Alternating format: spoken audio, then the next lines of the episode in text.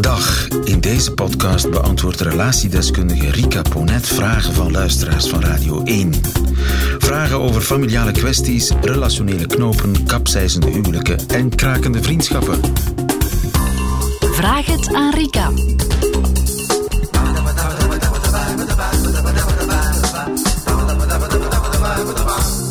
Rika, heb jij zin in een dilemma? Uh, ja, altijd. Eigenlijk altijd. Ik, ik heb eh, een dilemma van je welste eh, van Tom. Het is Tom zijn dilemma. Tom schrijft. Na tien jaar vrijgezel ontmoette ik mijn huidige vriendin. We zijn nu goed vijf jaar samen. Ze was duidelijk verliefd op mij. Bij mij was dat in het begin niet zo duidelijk. Maar na een jaar gaan we er beiden vol voor. Of gingen we er beiden vol voor. Ze zijn nu vijf jaar verder. Zes jaar geleden is ze gescheiden. Van bij het begin had ze contact met haar ex. Meestal zakelijk en over de kinderen die ze samen hebben. Voor mij kon dit. Toch merkte ik steeds vaker dat die contacten ook fysieke ontmoetingen werden. Zonder kinderen. Wat bedoelt hij met fysieke ontmoetingen? In het echt, hè. in het gewoon dat, dat ze niet aan Ja. de telefoon, of, Ja, ja. maar gewoon dat ze Elkaar ontmoet. elkaar echt eh, in levende lijven ontmoeten, zonder de kinderen. Ik gaf aan dat ik dat niet leuk vond. Ze zei dat dit inderdaad zo niet verder kon. Intussen zijn er kleinkinderen. De stiekeme ontmoetingen gingen verder. Zo kon het echt niet verder. We maakten afspraken, de ontmoetingen die kunnen als ze verband houden met de kinderen, kleinkinderen wat mij betreft. Ze ging akkoord. Tot mijn ontgoocheling worden onze afspraken niet nageleefd, schrijft Tom. Mijn vriendin gaat nog altijd langs bij haar ex. Om zijn kleren te helpen kiezen, zijn riante huis te herinrichten, samen te eten enzovoort. De ex die op pensioen is, laat het ook niet na om zijn dure plannen met haar te delen. Hij biedt ook aan om haar te vergezellen naar gelegenheden als ik moet werken. Het gaat nu zo ver dat ik op onderzoek trek. Ik vind het verschrikkelijk dat ik het doe. Telkens als ik haar wagen aan zijn huis zie staan, doet het pijn. Als ik mijn vriendin confronteer, ontkent ze. Ik neem dus foto's en toon ze. Vreselijk vind ik dat. Ik denk dat er geen seksuele relatie is tussen mijn vriendin en haar ex. Ik gaf vaak aan dat ik zulke relatie niet wil en dat ik me genoodzaakt zie om deze dus stop te zetten. Het is alsof ik de stap niet durf te zetten, bang om weer alleen te zijn. Er is niet echt een vangnet. Ja, Tom, Tom, Tom. Op inspectie gaan, foto's gaan nemen van het huis met haar auto ervoor. Ja, dat, eh, dat toont dat eh, de fixatie al groot is en de pijn ook groot is, of het lijden groot is. Hè, dat je ehm, een beetje wanhopig aan het worden bent hè, in dat verhaal. Nu, ehm, Is hij goed bezig? goh, eh, het is een beetje aan het escaleren. Ehm, eh, in die zin, wat ik vooral ook interessant vind, ik krijg dit wel vaker. Hè. Veel mensen in dit verhaal gaat het dan al over een wat eh, ouder stel, want er zijn al kleinkinderen. Ehm, na scheiding eh, en er zijn dan nieuwe relaties, eh, hoe, hoe ga je om met die ex? Tot hoe ver kan zo'n contact gaan?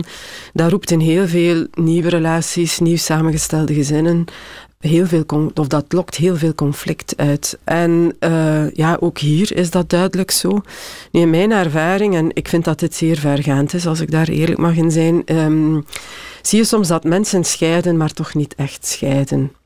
Men is dan gescheiden op papier en het is alsof dat men moet scheiden om op een bepaalde manier dan toch als koppel nog verder te kunnen. En dat is wat het rare gevoel dat ik hier ook bij heb. Het gaat niet alleen over wij zien elkaar nog fysiek omdat we dat oké vinden en om te praten over de kinderen of bepaalde afspraken Je te vraagt je maken. af waarom zijn die twee eigenlijk gescheiden? Waarom zijn die twee gescheiden? Die doen echt relatiedingen. Hè? Eh, een vrouw die met een man samen kleren gaat shoppen en kiezen, Huis herinrichten. eh, het huis gaat inrichten, hij die haar wil vergezellen op allerlei activiteiten, daar spreken dat is relationeel gedrag. Hè. Dat is wat een koppel doet. Dus snap ik ook zeer goed zijn gevoel hè, bij, bij dit hele verhaal, dat dat voor hem niet klopt. Ehm, hij heeft van haar geëist van, ja, ik wil dat daar andere afspraken rond zijn. Zij is daarin meegegaan, maar duidelijk uh, heeft ze ja gezegd, terwijl ze het eigenlijk niet wou, uh, want ze blijft stiekem verder doen wil duidelijk ook de conflicten uit de weg gaan. Hè. Ze blijft het doen, ondanks het feit dat hij het anders wil. Dat lijkt me zo ehm, pijnlijk als je zegt, ik was daar niet, maar ik, je was daar wel. wel hier, kijk, hier is de foto. Ja. Um, Hoe ga je ja. dan nog verder? Ja, dat is heel moeilijk. Ik denk, mocht hij dit verhaal nu delen, maar er is blijkbaar niet zo heel veel vangnet met vrienden, met intimi. Mocht een vriend van jou, ja, dit verhaal doen, jij zou zeggen, jong, pak je biezen, zet er een punt achter, stop ermee. Um, ik heb het gevoel dat hij dat ook zelf wel weet, hè, dat, uh, dat dit niet oké is. Op het moment dat je begint met te liegen en het geheim dingen te doen, ja, dat, uh, dat ondermijnt enorm het vertrouwen in een relatie. Dus hij weet dat zelf wel, denk ik. Hè. Het feit dat hij het niet doet, wijst erop dat er nog voldoende elementen zijn die hem doen blijven. En ik denk dat voor hem belangrijk is om daarop te focussen. Wat maakt nu, um, en dat is dan angst natuurlijk, dat ik hier geen punt achter zet, dat ik niet in staat ben om voor mezelf te kiezen, want daar gaat dat over. Um, ik voel me heel slecht, hè, want zie eens, hè, ik, ik rijd die achterna en ik neem daar foto's van. Hoe klein voel je je dan? Hè? Hoe, ja, wat voor een tristig figuur voel je je dan? Het is duidelijk dat hij heel veel schrik heeft om alleen te zijn en eigenlijk nog liever de kruimels heeft zoals hij die nu krijgt, dan, ja, dan te gaan voor het verhaal uh, uh, van niets. Nu, als je een tijdje op kruimels leeft, dat is een dieet, dat houdt niemand emotioneel vol. Dan durf ik daar echt mijn handtekening voor zetten. Op een dag wordt de honger zo groot dat uw angst om die kruimels te verliezen het moet afleggen van je verlangen en je hoop op iets beter dan dit. En, Jij schetst een somber toekomstbeeld. Jij zegt eigenlijk, Tom. Ja. Um, Vertrek. Ja.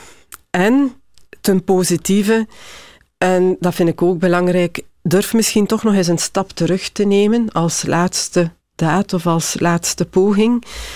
Uit je jaloezie want dat zit duidelijk ook al in een dynamiek van, jij mag niet naar hem toe gaan, ik eis dat, ik leg dat op, ik controleer jou, zie je, ik heb jouw auto zien staan, je hebt gezegd dat je er niet was, waardoor dat zij zich ook helemaal uit die relatie aan het terugtrekken is, daarover gaat liegen.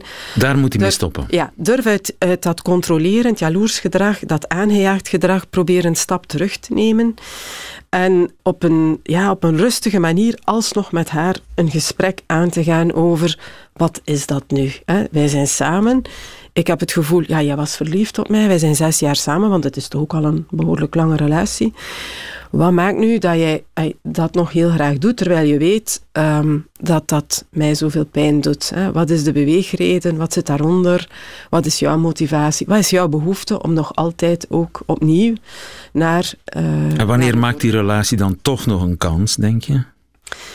Als daar een soort gesprek over mogelijk is. Ja, een erkenning. Een eerlijk gesprek. Een eerlijk gesprek. Zonder chantages en foto's voilà, en bewijsmiddelen. Dat is het, ja. En zij ook duidelijk durft aangeven dat haar behoefte om... Dat dat verhaal nog niet helemaal rond is. En dat er blijkbaar toch nog bij haar een soort van behoefte leeft. En ook bij die ex-mannen. Het is duidelijk dat die nog heel graag een poot in haar leven heeft. Hè. Dat is zo het verhaal.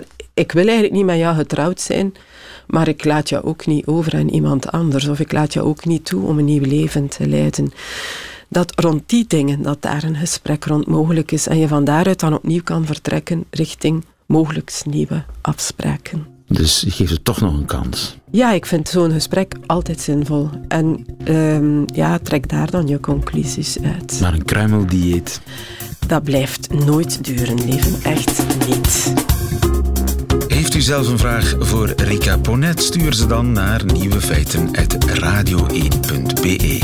En wie weet hoort u het antwoord in een volgende podcast. Namen worden sowieso veranderd.